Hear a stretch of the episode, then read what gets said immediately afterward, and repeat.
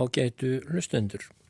Þann 1. júli árið 1872 fættist ungur piltur í, á bænum Móum undir Esjubergi.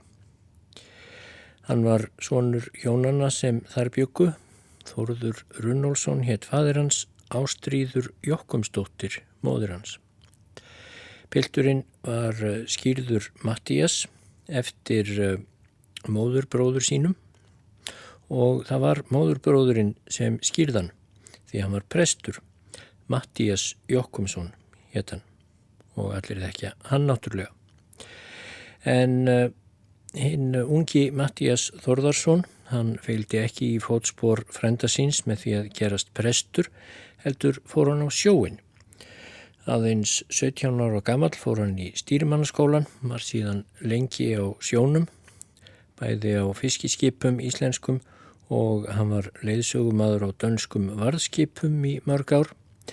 Síðan kom hann í land, fór að fást við Ímis önnustörf, tengt sjómennsku og sjávarútvegi. Hann gaf út blöð og bækur um Ímislegt sem lautað sjónum og senustu áratögi æfinnar bjóð hann í Danmörku og gaf út bækur um sveipaðefni á dönsku en hann gaf líka út æfisögu sína þegar, var, þegar hann var komin á efri ára litið til baka. Heitir Súbók kom reyndar út í tveimur bindum. Og ég ætla að glukka í einn kabla þeirrar bókar í þessum þætti. Og þar segir frá því þegar Mattías var aðeins 17 ára gammal og fór í stýrimannskólan. Ég ræðst á Svenn heitir sákapli eða upphaf hans. Í stýrimannaskólan fór ég haustið 1889. Kennslu í skólanum var fyrstu árin eftir að hann var stopnaður lokið 1. mars árlega til þess að þeir sem tóku þátt í náminu í skólanum getur náða að komast í skiprúm á þýlskipin í bænum og nákrenninu sem þá fóru að búa sig til veiða og lögðu á stað um miðjan mánuðin. Það var ekki um mörg skip að ræða á þeim árunum. Geir Kaupmaður Sóeka í Reykjavík hafði fimm skip og aðrir útgerðarmenn í bænum fjögur skip.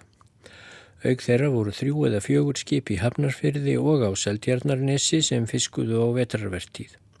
Stærð þessara skipa var rúmar 20 smálestir og uh, nokkur lítið eitt yfir 30 smálestir, aðeins eitt, Margrét, Kúttari, sem Geir Sóeka hafði þá keift árun áður var um 70 smálestir og þótti það mjög stort skip á þeim tímum. Þrátt fyrir það þótt þýlskip sem gjörð voru út á vetrarvertíðinni væri ekki mörg áttu útgerðar menn, ótrúlegt nokk, fullt í fangi með að fá nægilega marga fiskimenn út á þau. Skipin voru korki svo stór eða vel útbúin, fæði og aðlinning svo góð eða hlutavon svo mikil að menn sæktust eftir atvinnu á þeim. Öðru öllu fremur voru margir nittir til þess að ráða sig á skútu, sækir skorts á annari atvinnu og vegna skulda og þarf leiðandi skuldbindinga við útgerðarmenn og svo framvegis. Um veturinn voru ráðagerður um það hvar ég ætti að ráða mig til vertíðarinnar. Hjá Geir Sóvika var auðvelt að fá skiprúm. Hann hafði svo mörg skip og einnig hjá öðrum útgerðarmönnum í bænum en ég áleit ekki eins áleitlegt að ráða mig hjá þessum mönnum eins og hjá Jóni Jónssoni skipstjóra í Mýrarhúsum á Seldjarnarnesi sem talin var fyrirmyndar skipstjóri og vildi ég leita til hans ef hægt yrði að fá skiprúm hjá honum.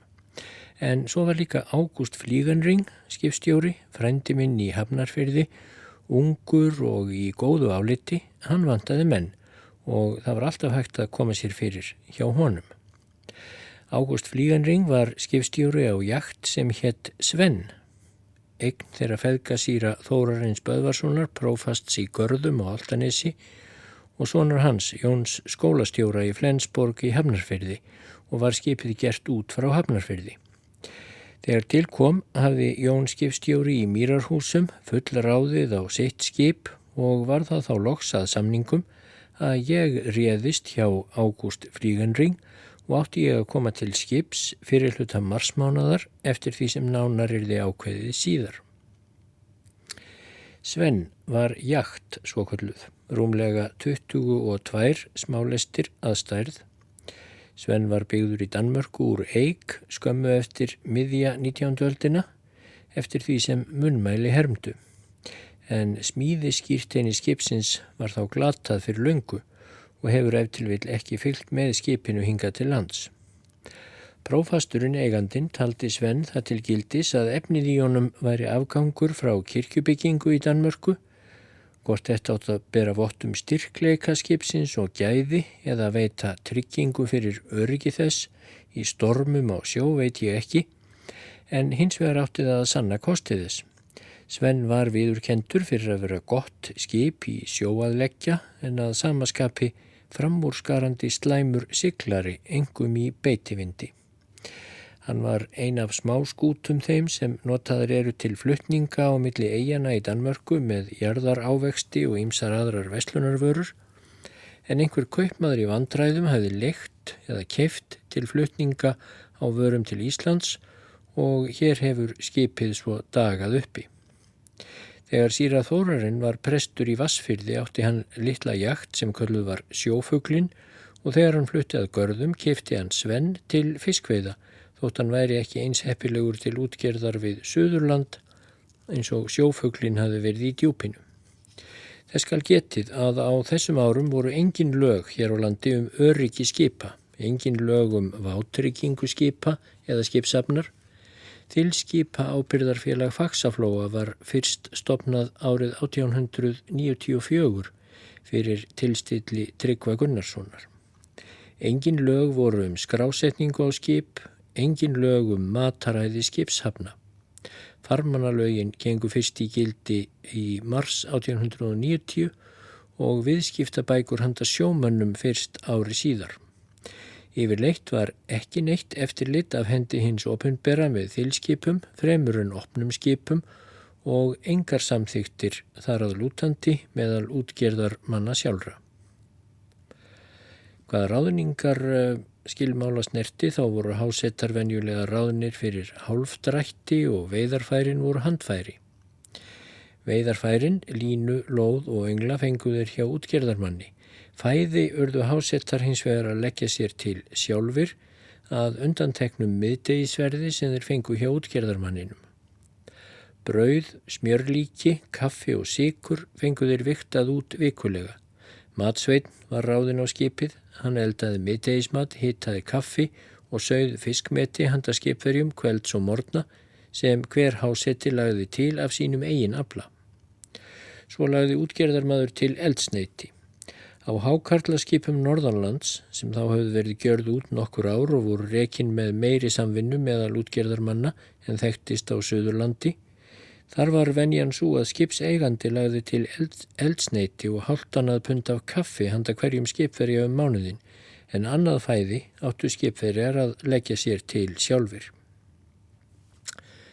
30 lítra af brennivíni fekk skipstjóri venjulega með sér til vertíðarinnar sem hann átti að gefa skipsöfninni hæfilegan skamt af ef vinna var sérlega erfið eða við einhver sérstök tækifæri sem honum þótti nöðsinn bera til. En það var orðasveimur um það að á sumum skipum væri lítið um þessar góðgerðir til hásettana en skipstjóri og stýrimaður fengju aftur móti sinn skamt af brennivíni vel útiláttinn. Skipsöfnin á Sven var venjulega 12 manns að meðtöldum skipstjóra. Flestir hásettar voru oftast landsettar prófastsins af hjáleigum frá görðum og vinnumenn hans. Ágúst Flíganring var þá fyrir tveimur árum orðin skipstjóri og hafi verið með Sven tvö sömur. Skipstjóri hafi ókeipis fæði og 60 krónur í kaup um mánuðin og 2 krónur í aukaþóknun af hverju skippundi eða 160 kíló af verkuðum fiski sem aflaðist á skipið. Stýrimaður hafi aftur móti helming þess fiskjar sem hann dró eins og hásettarnir en svo eina krónu aukaþóknun af hverju skipundi. Þegar kennslu var lokið á stýrimannaskólanum fór ég heimað móum til föður míns til að útbúa mig fyrir vertíðina og beð svo þess að ég fengi orðsendingu um að koma til skips. Sven lá í fjörunni fyrir innan Flensborg í Hafnarferði og bjóst ég við að skipið er því grafið út í stórströymin sem var skömmu fyrir miðjan mánuðin og hafði ég þá rúmlega vikutíma til undirbúnings. Ég hafði aldrei verið til sjós áður og vissi því ekki hver mikinn farangur ég ætti að hafa meðferðis. En ábreyðu, kotta, venjulegu verkamannaföld, nærfatnað, vettlinga og fleira hafði mér verið sagt að ég skildi hafa með mér að heiman. En sjófatnað, þar á meðal stígvél, var sagt að ég geti fengið þegar ég kemi til skips, kift eða lánaði reikning skipsins við Brittesverslun í Hafnarfyrði. Ég hafði ekki verið meira lengur heima en tvo eða þrjá daga. Þegar sendimaður frá skipstjóranum kom með þau skilabóð að ég ætti að leggja á stað með farangur minn að morgni næsta dags. Og hvaðst hann vera sendur til að gefa mér ítarlegar bendingar um það hvað ég ætti að hafa meðferðist til ferðarinnar og leiðbeina mér á allan hátt og ennfremur að hjálpa mér til þess að bera dót mitt suður. Sendimaður þessi hvaðst heita Páll og hafa augnefnið Siglfyrðingur og væri hann ráðin hásetti á Svenn. Maður þessi virtist vera enkinnilegur í allir framkomu, fremur hár og grannur, talaði mikið og var ekki laus við sjálfshelni og hafði sem máltæki þó ég segi sjálfur frá. Pál hafði stór augu og gekk venjulega fast framan að þeim sem hann átti talvið og star blíndi á hann, tugði óspart og spýtti síðan tópaki út úr sér. Hann var á að gíska um þrítugt. Um sjálfan sig gaf Pál þær upplýsingar að hann hefði þá um veturinn verið við námi í gagfræðaskólanum í Flensborg en væri annars þaulvanur hákarlamaður af Norðurlandi og hafa verið á þilskipum á eigafyrði hjá bestu aflamönnum þar í nokkur ár. Eins hefðan stundað þorskveðar á þilskipum og væri því kunnugur lífi mann á háttum um borði í þilskipum og hefði þótt hlutgengur maður norður þar þótt hann segði sjálfur frá. Það lendi sér ekki að maður þessi kunni frá mörgu að segja sem vakti eftirtekt mína og hann var ósparáð að segja frá því sem hann vissi. Pál Síklfyrðingur var hjá okkur um nóttina og hjálpaði mér til að útbúa mig til farharinnar. Um kveldið, þegar við höfðum undirbúið allt til ferðarinnar að morgni, fór fadur minn að spyrja Pálum vist og allan aðbúnað á þeilskipum og hvaðst hann búast við því að mér myndi bregða við fyrst í stað. Pál létt ekki standa á því að gefa gild og greinileg svör og hann hófum álsitt á þessa leið. Þar sem þessum spurningum er beint til mín þá vil ég ekki láta hjá líða með þeirri þekkingu og reynslu sem ég hef á sjómennsku að segja afdráttarlaust það sem mér býr í brjósti. Hvað snertir almenna líðan manna um borði í þýlskipum af þessari stærð og gerð sem Sven er, sem ætlastir til að stundi fiskveiðar og vetrarvertíð við Suðurland, þá hygg ég að Sven sé tæpast skip til að þóla vetrarsjóina eða yfir höfuð að geta talist nótæfur til veiða á þeim tíma ársins. Að sumrinu til getur skipið talist notæft á faksaflóa eða fyrir vestfjörðum með góður í stjórn en tæplega aðra tíma ársins. Skipstjórin er vissulega ungur og röskur maður að sjá en það er ekki nóg. Því ef skipið er ekki fært til þeirra ferða sem því er allað þá er það engan veginn fullnægjandi að skipstjórin sé duglegur því raun og veru þarf að fara saman duglegur skipstjóri og gott skip.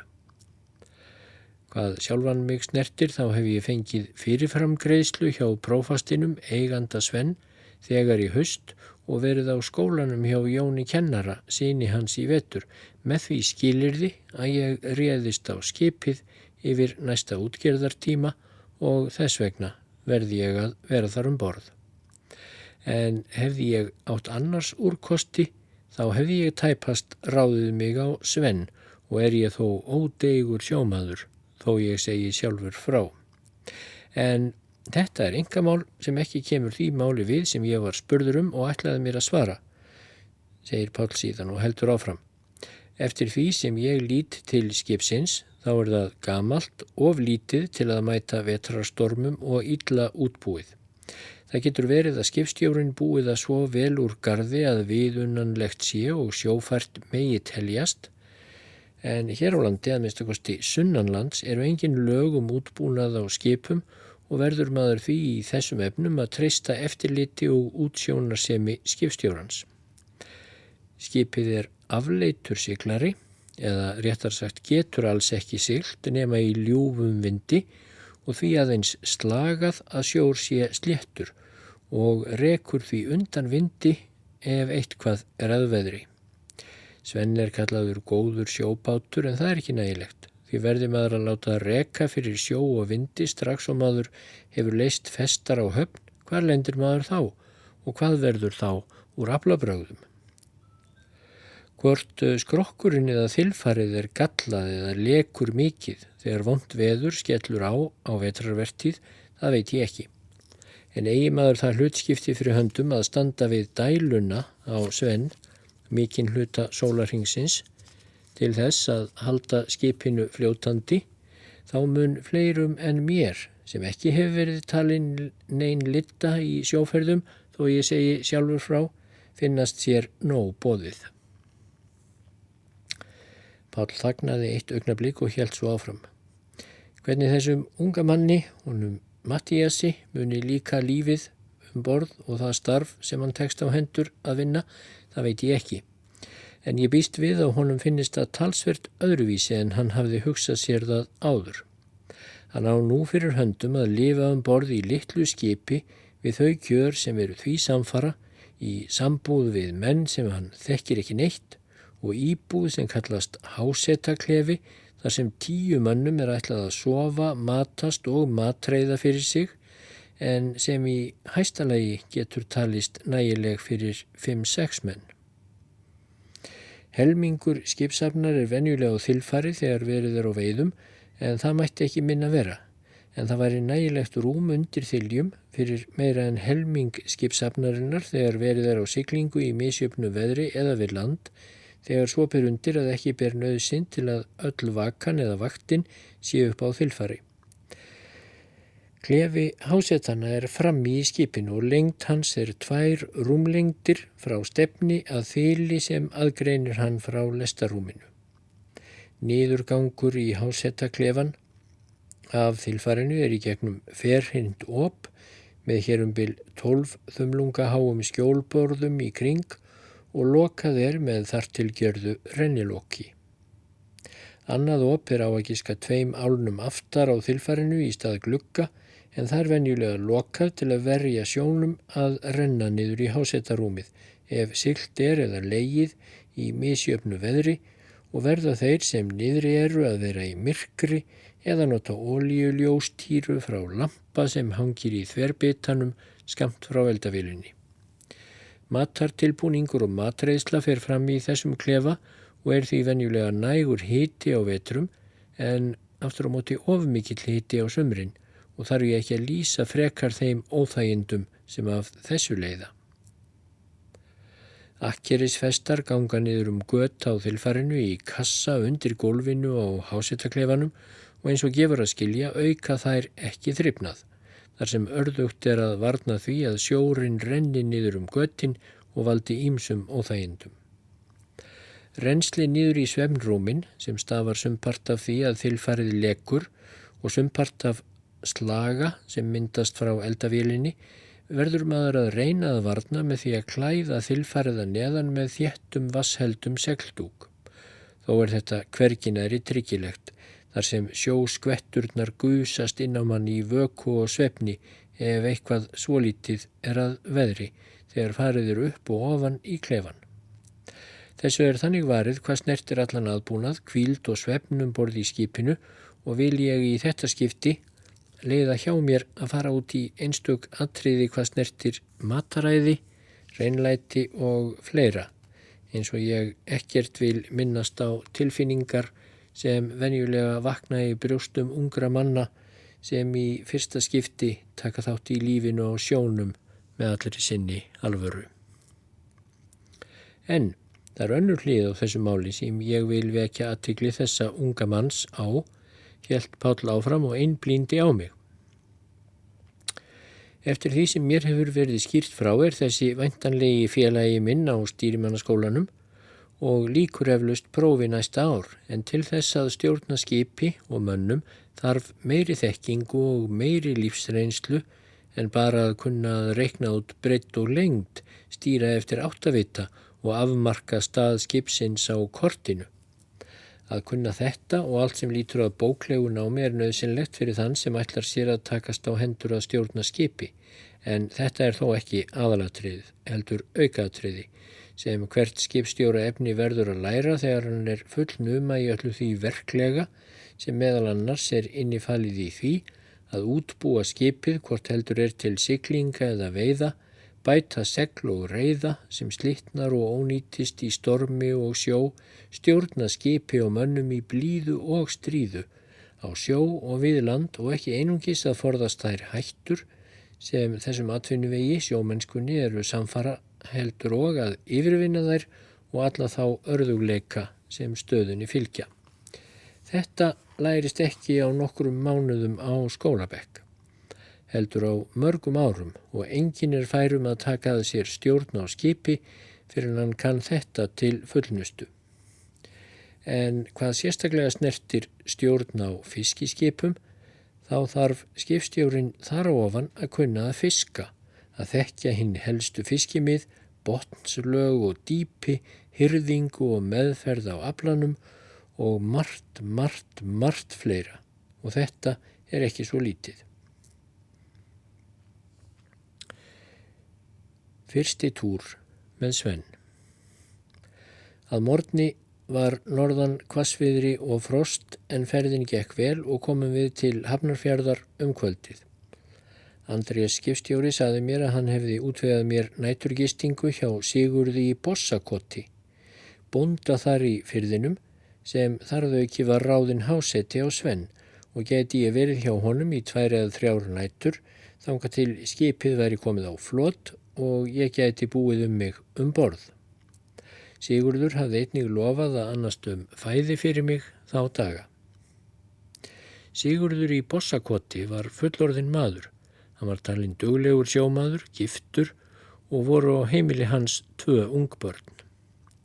Aldrei, hvorki fyrr nýja síðar, hef ég séð jafn mikla fátækt á nokkru heimili eins og hjá Sigurði í Bossakoti og furðar mig á því enn þann dag í dag að skipstjórin skildi byggja Sigurð um að sjá mér fyrir nætturgistingu og eins hinnu að Sigurður skildi taka það í mál að lofa mér að vera.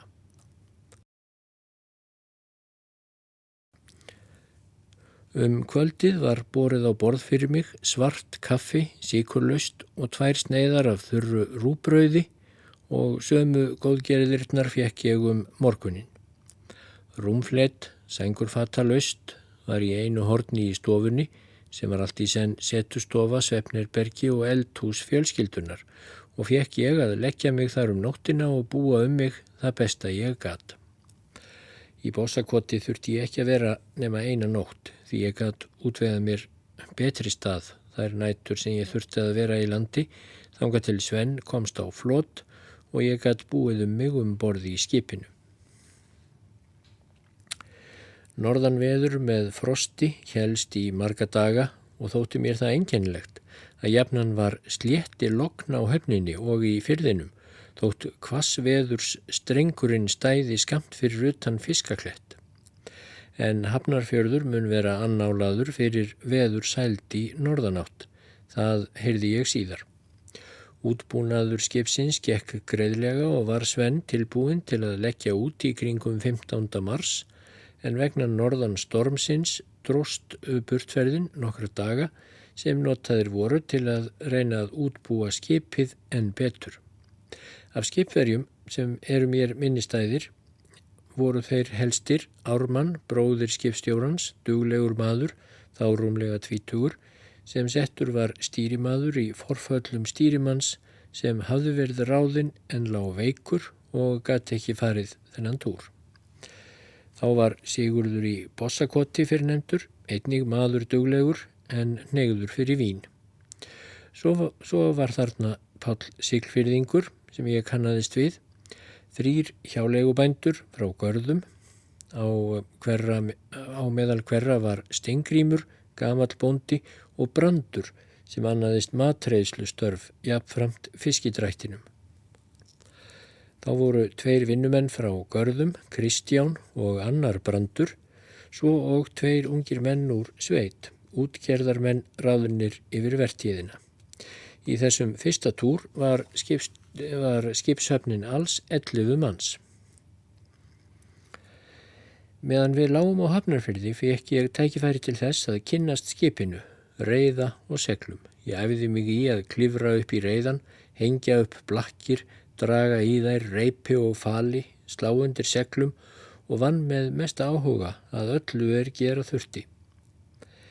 Einnig hafði ég fengið mér kóju í hásettaklefanum með öðrum manni og komið þar fyrir föttum mínum. Svo hafði ég lítið en stert koffort sem ég gætt komið fyrir á gólfinu fyrir neðan rekkjustokkin svo það gætt verið bæði borð og sæti eftir því sem þurfa þótti. Gólflöturinn var ekki beinlýnis stór svo það var að fara sparlega með hann en félögum mínum þótti koffortið lítið og laglegt svo þeir gáði mér leifi til að hafa það á þessum, þessum stað. Pál Siglfyrðingur var í ráðum með mér og leiðbeindi mér hefð besta en ég hafði ekki verið lengi á skipsfjöl þegar ég var þess var að nokkrir meðal hásettana töldust honum jafn snjallir. Þar á meðal Sigurður í Bossakoti og vinnumennirnir frá görðum sem dróðu dáráðunum og mælsku hans og töldu hann meiri í orði en á borði og rýrði það dálítið það álit sem ég hafði fengið á Páli þótt ég leti hann lítið verða þess varan. Útbúnað á færi mínu, binda á lóð og öngul velja mér stað á skipinu til að standa við fiskidrátt og svo framvegis. Allt þetta gerði ég samkvæmt bendingum og leðpenningum Páls Siglfyrðings sem hann áleit skildu sína að vera mér hjálplegur með. Þó bar ég einstöku atriði undir álit hinnahásettana líka svo ég væri fullvisum að allt væri gjört sem best. En úrskurði skipstjóra varði ég að hlýða um það hvar ég mætti standa við færið á þilfarinu, það eruð allir óvanir að gjöra. Stýrimaður mældi og viktaði út matarforða til einnar viku, brauð, smjörlíki, reyndar af tegundinni Stensen Væle margarín, sikur og kaffi og kom ég á öllum mínum viku forða í koffortið. Sjófötum mínum valdi ég stað á nagla í einu horni á klefanum og sjóstíguvílunum kom ég fyrir í litlum bás undir rekkjunni, þar að segja þegar ég var ekki í þeim sem reyndar var oftast. Færið hangaði ég upp og batt við vaðbójuna á öldustoknum. Svo eiginlega var allt í lægi og ég tilbúin til ferðarinnar. Snemma laugardagsmorgun í hægum austankalda léttum við akkerum og sildum út fjörðin. Það var álitið gæfumerki að sigla úr höfna á laugardegi. Sunnudagur var ekki talin eins góður og prófastinum þótti það óviðeigandi að skips, skip hans legði úr höfna á helgum degi en að sigla á mánudegi gjörði hins vegar enginn Það var blátt áfram óhappamerki. Þannig komist við úr höfn velbúnir á mestu happastundu og rann skútan hægt og rólega undan andvaranum út fjörðin. Skipstjóri létt nú skipta vöktum og urðu á hans vakt Sigurður í Bossakoti, Pál Siglfyrðingur, Brandur í Görðum, Jón Útgerðarmadur og ég. Skipstjóri skipaði Páli undir stýri og sagði Pál mér að vera hjá sér til að ég gæti lært stjórn á honum. Það var ekki líðin langur tími þangar til ég sagði Páli frá því að ég hefði oft siglt bát undir seglum og ég treysti mér þess vegna alveg til að stýra skútunni eftir vetur minn í stýrimannaskólanum. Til að sanna þetta létt Pál mig æfa mig og gekk mér furðanlega stjórnin á skipinu svo hann létt mig stýra einan en hafði eftirlit með því að ég stýrði hérna ákveðinu stefnu. Þegar ég hafði tekið að mér stjórnina og haft hana um stund, fór Páll að raula hástöfum fyrir munni sér íð alkunna erindi úr hvæði Stengrims Torsteinssonar, heyrið morgun söng á sænum, sjáuð bruna flei, undan hægum byrjarblænum burt frá strönd og ei. Sólinn skreitir skiparaðir skín hver þaninn voð, söngljóð hveða sjómenn gladir, snjált á hverri gnóð. Allt í einu rekur Andrés skipstjóri höfuð út um dyrnar á klefa sínum og hrópar til Páls heldur ílskulega og segist ekkert kæra sig um að heyra söngkans eða sjá flegið bruna áfram þar sem við aðeins bærumst rétt áfram fyrir kaldanum.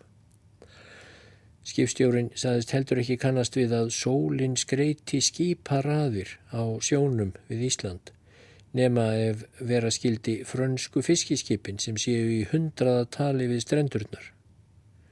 Og hvort fransmennir syngi söngljóð gladir snjált á hverri gnóð varði hann ekkert um, en það væri meining hans og full alvara að Íslendingar hefðu annað nöðsynlegra að gera á sjónum heldur hann að syngja. Svo Pál Sigfyrðingur söng ekki þetta kvæði upp frá því. Um hátegi voru við komnir vestur í Garðsjó og var þá skipt vöktum og vakt stýrimanns kom á þilfar. Átti hún að hafa vöku til klukkan sjöum kvöldið. Eftir að við höfðum matast fór frívaktinn þar á meðal ég niður og lögðum við okkur til svefns. Um kvöldið voru við komnir söður í miðnessjó og voru framseklinn þá dreyið niður og lagst á reg og farða að renna færum. Það var dágott fiskiveður en talsverður vestan sjór. Við vorum nokkra daga á fiskimiðum djúft undan miðnesi og höfnum og fengum heldur góðan afla. Með þægilegum vindi á vestan og talsverðri suðvestan öldu sigldum við til Hafnarfjörðar, losuðum fiskin, bættum við okkur vatni, vistarforða og öður, öðrum nöðsinjum og heldum svo út aftur. Á öðrum degi eftir burtfor okkar frá Hafnarfjörði voru við komnir djúft norður og vestur af Garðskaga. Vindur var hægur af vestri með talsverðum undir sjó og gekk því seint að beita vestur flóan. Þegar þangað kom gerði lokn og snjódrífu sem stóð nærfælt í tvo sólaringa svo ekki sá út úr augum. Dýpið var 60-70 faðmar en við urðum ekkert varir við fisk.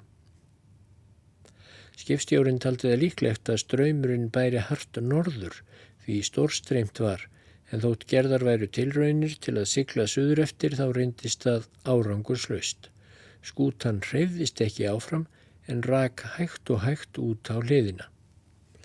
Setni hluta dags stýtti lóks upp og gjörði bjart veður og sáum við þá snæfellsjökul og staðarsveitar fjöllin allt niður að rótum en bossúlur og esjuna sáum við niður í miðjar hlýðar. Fjöllin skínu í heiði aðeins mjó skíabönd hulduðu hér og þar.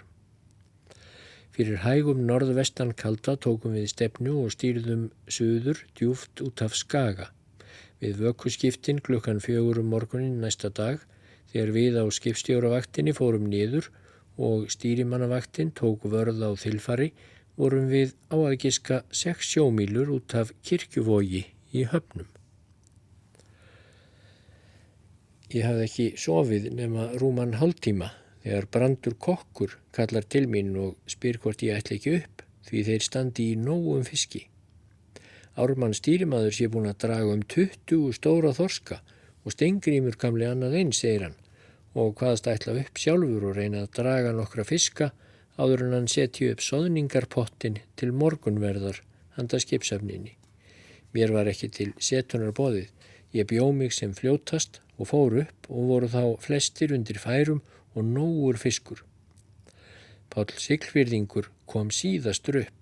Hann var hinn ófrínilegasti og leta reyði sína bytna á öðrum vinnumanninum í görðum sem var á vöku stýrimanns og stóðu næstur honum við færið og let Pál á sér skilja að það hefði verið skilda hans að vekja sig þegar þeir urðu svona velvarir þar sem þeir væru báður í þjónustu prófassins og auk þess væri það fyrir metnaðarsakir að hann ekki vildi liggja niðri þegar félagar hans hefðu næga nafla. Það leiði ekki á löngu eftir að Páll hafði rent færinu að hann varð var við heljar mikinn drátt og gat lengi vel ekki dreyið handar breytt upp. Nokkrir gáttu þess til að hann væri fastur í hrauni en þegar honum með því að beita öllum sínum kröftum tókst að lifta þessum þunga nokkra faðma voru menn sannferðir um að það væri tunnuhákarl sem hann hefði fengið á krókin. Nú vildi svo til að Steingrímur gamli hjá legubóndi í görðum sem stóð skamt frá Páli og átti vanda til að vera fremur skapstykkur snemmadags, lendi með færi sitt saman við færi Páls, svo Steingrímur gætt korki bifað vað sínum upp nýja niður. Við það að Steingrímur, þannig að ófyrir sinju, tafðist frá fiskidrættinum, let hann hinn mestu fúkyrði dinja yfir Pál og sagði að enginn hefði gert bóð eftir honum gortaranum að norðan með alla sína djöfuls hákalla í eftirdrægi og hann óski honum og öllum hans ódráttum í hinn istumirkur. Andrið skipstjóri var nú að koma til skjálana og skakka leikin áður en báðir sem voru með reytta hnífana á lofti og um það byrjaði rjúka saman náðu að skera færin hver fyrir öðrum og hleypa öllu til botns. Að lokum kom dráttur Páls í auksin og reyndist það að vera afar stór flyðra. Og kom þá í ljós að öngull Stengrims hafði krækst í sporð hennar og hjálpuðist nú báðir að með aðstóð skipstjóra að innbyrða dráttin og fjell svo allt í ljúfa löð með þeim. Þannig að Pál gaf Stengrimi stórt flak af skeppnunni en skipstjóri fekk hinn tilskilda nakkabelti sem var eitt af áskildum hlunnindum sem skipstjórar urðu að láta af hendirakna til skipstjóra af öllum svo kalluðum flakandi lúðum sem þeir dróðu. Skömm eftir hátegi þegar byrjað var á aðgerð höfðum við um 500 af vænum þorski á þilfærinu fyrir utan nokkra stórdrætti sem einstöku hásettar höfðu fengið í þokkabót. Þegar byrjað var á aðgerð voru segl dreyin upp og farið að sigla á sem kallað var eða sigla aftur á sveipaðar slóðir sem verið var á þegar byrjað var að draga um morgunin. Meðan á aðgerðinni stóð kom skipstjóri með flösku af brennivíni og gaf skipverjum hverjum fyrir sig stort glas og var því tekið með þakklæti af flestum þeirra. Nokkur skip frá Reykjavík og Seltjarnarnesi voru á veiðum skamt frá okkur, þar á meðal Margrét, Tú Venner, Engei, Njáll og Klarín. Öll þessi skip hafðu að líkindum fiskað vel.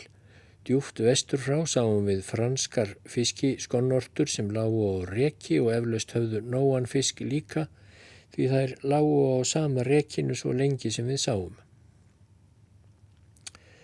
Um miðjan daginn sást ógjörla til sólar og var svartur rosabaugur í kringum hana. Veður útlýtt var þá orðið ískikilegt. Kolsvartur þókubakki tegði sig í sjóndeldarhingnum allarleið frá landnorðri til útsöðurs og náði hátt á loft upp. Þegar á daginn leið fór vindur kvessandi af söðu-austri og söðu-vestan undiralda og smikið. Engin lofthingdarmælir var um borði í skipinu og voru þeir sem gamlir voru og reyndir meðal hásettana að spá því hvernig veður yrði næstu daga og kom þeim saman um að veðrið myndi fara versnandi og ekkert fiskiveður yrði fyrst um sinn. Við sygldum það sem tók, fyrst norður og svo suður og náðum allt milli Reykjanes og Eldegjar og svo norður aftur en unnum ekkert á. Í fyrsta skipti sá ég þá Reykjanes og Vitan Valahnúk og Karl reikin upp úr gunnukver og olgandi röstina. Lengst í vestur sá ég eldeir ísa þvernýfta úr sjó og gerfugla sker út af henni í vestur. Þar sem eldsumbrott hafa verið svo tíð, eigum hefur skotið upp en sokkið aftur.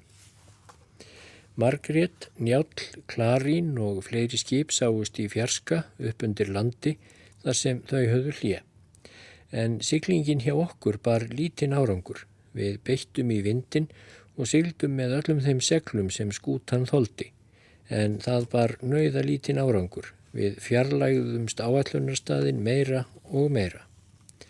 Það flýtti heldur ekki ferð okkar að vindurinn var austlægari þegar norðar kom í flóan en suðlægari eftir því sem sunnar dró. Seint um kvöldið höfðum við mist landsín og öll skip voru horfin. Við vökkuskiptin klukkan 12 um nóttina vorum við á að gíska 12 sjómílur vestur af Skaga og létum nú hala söðurum með bakborðshálsi, tvírifuðu stórsekli og stagfokku. Klukkan fjögur um morgunin var komin stormur af söðu-söðu austri með miklum undirsjó og var nú látið reka með þrý rifuðu stórsekli og hortni af fokkunni. Við vökuskiptinum morgunin klukkan sjö var komið skapningsrók svo ekki sá út úr augum. Vindur var af söðu-söðu austri, skipstjórin skipaði báðum vöktunum í saminningu að hjálpa til að minka stórseklið svo aðeins væri þrýhyrna af því uppi. Ennfremur skildum við binda betur utanum framseglin, setja öryggisfestar á léttabáttin, livrarfötin og vassfötin sem stóðu í skorðum á þilfarinu, sitt korum eigin við mastrið og við öldustokkin báðum eigin. Leggja skildum við vassheldar ábreyður yfir lestarhlerana og draglokið yfir skipstjóra og hásettaklefana og festa með járnhespum og böndum. Yfir höfuð skildum við festa og binda allt lauslegt eins tryggilega og kostur var á. Þegar þessu var lokið fór vakt stýrimanns niður og skipstjóri og hans vakt tók við verði á þilfari. Skipstjóri og Sigurður í bossakoti voru á verði aftur á skipinu. Skipstjóri stóð framanvert við stjórnpallin við ingangin í skipstjórnarklefan en Sigurður í bossakoti við stýrið og hafðu báðir bundið kaðal enda um sig til þess að tryggja, tryggja sig fyrir því að þeim skólaði ekki útbyrðis því það gætt gerst á hverri stundu ef ólag riði yfir skipið. Stýrið var bundið lítið eitt niður í hliðborðið þó þannig að hægt var að reyfa það upp og niður og átti sá sem við stýrið var að gefa gætur að því að það slægist ekki snöglega þegar öldurnar skullu yfir skipið eins og nú var farið að gerast hvað eftir annað og runnu framhjá. Mér var skipað að standa á verði framme á skipinu, í stíganum og ganginum, niður í hásettaklefan og hafði ég höfuðu upp úr gettinni á milli þess að bylgjurnar slóust inn á þilfarið af miklu afli en gatt byggt mig niður og dreyið lokið yfir þegar þær komu. Þennan vörð áttum við Pál Siglfyrðingur að annast til skiptis fyrstum sinn. Hínir tveir félagar okkur á vaktinni máttu vera niðri en áttu þó að vera tilbúinir að koma upp á þilfar ef þeir eruðu kallaðir. Allir skipverjar voru í sjóklæðum, þeir sem höfðu frívakt lágu í rúmum sínum en hinnir á rekkistoknum eða þar sem þeir gáttu best hólað sér niður. Mennir veldust allir til og frá og hossuðust upp og niður. Þetta er ljóta rokið og verra verður það, saði brandur kokkur. En hvað er svona stormgóla í samanburði við stórrið og horkufrost sem hverki sér út úr augunum með hafís allt í kring eins og ég hef þráfallega fengið að kenna á í hákarlatúrum fyrir Norðurlandi, saði Pál Siglfyrðingur sem stóð á miðju gólfi í klefanum um leið og skútan tók snögga hliðarveldu og hann tókst á loft upp og hendist tvöfaldur ofan á Stengrím gamla sem lág í rúmi sínu í öðrum enda klefans. Ljóstýran sloknaði svo það varð kolsvarta myrkur. Pottar, kallar og ringirnir af eldavélinni þeittust út á gólfið. Stígvél, dréskór, matarílát, allt lauslegt dansaði fram og aftur um gólfið og hendist upp og niður. Allur klefin lék á reyði skjálfi og sjóströymarnir runnu í lækjum niður í rúmin og á gólfið í gegnum reykháfin, keðjugötin, stigagatið og annar staðar þótt vandlega hefði verið umbúið. Í góðum sjóföttum með örgiskaðal um mig miðjan og endan bundin við járn krók í þilfarinu skamt frá stóði ég í stiganum og tegði höfuðuð upp úr gættinu öðru hverju til að gefa gættur að því hvort skipstjórin gefi mér bendingu um að kalla á hina vökumennina eða gjörði aðrar fyrirskipanir. Sjóskablarnir sem heldust yfir mig inn ofsalegi sjóðandi kvínur í öldunum og langdregni kvæsandi klíður í loftinu eins og ómur af þúsund bumbum samfara hinnum snöggur reyfingum sem skipið tók, gjörði mig vesælan og kjarklausan. Ég var ekki nema 17 ára. Þó fannst mér að þessi staður sem mér var skipað að standa á verði vera mörgum sinnum betri en að verða að húka í myrkrinu niðri í hásettaklefanum og ringla þar til og frá eða að liggja í rennblöytum rúmfletunum og verða þar sundur kramin millir félagana þegar skipið veldist um á öldurryggjunum. Allt í einu fannst mér ég svífa upp í loftið í sömu andrá datt skútan niður af geysihári bylgu og skall niður eins og hún hefði rekist á klett. Eitt augnablík lá hún grafkirr niður í öldudalnum en á sveipstundu reys hún aftur upp um leið og óveðrið braust út eins og stórflóð.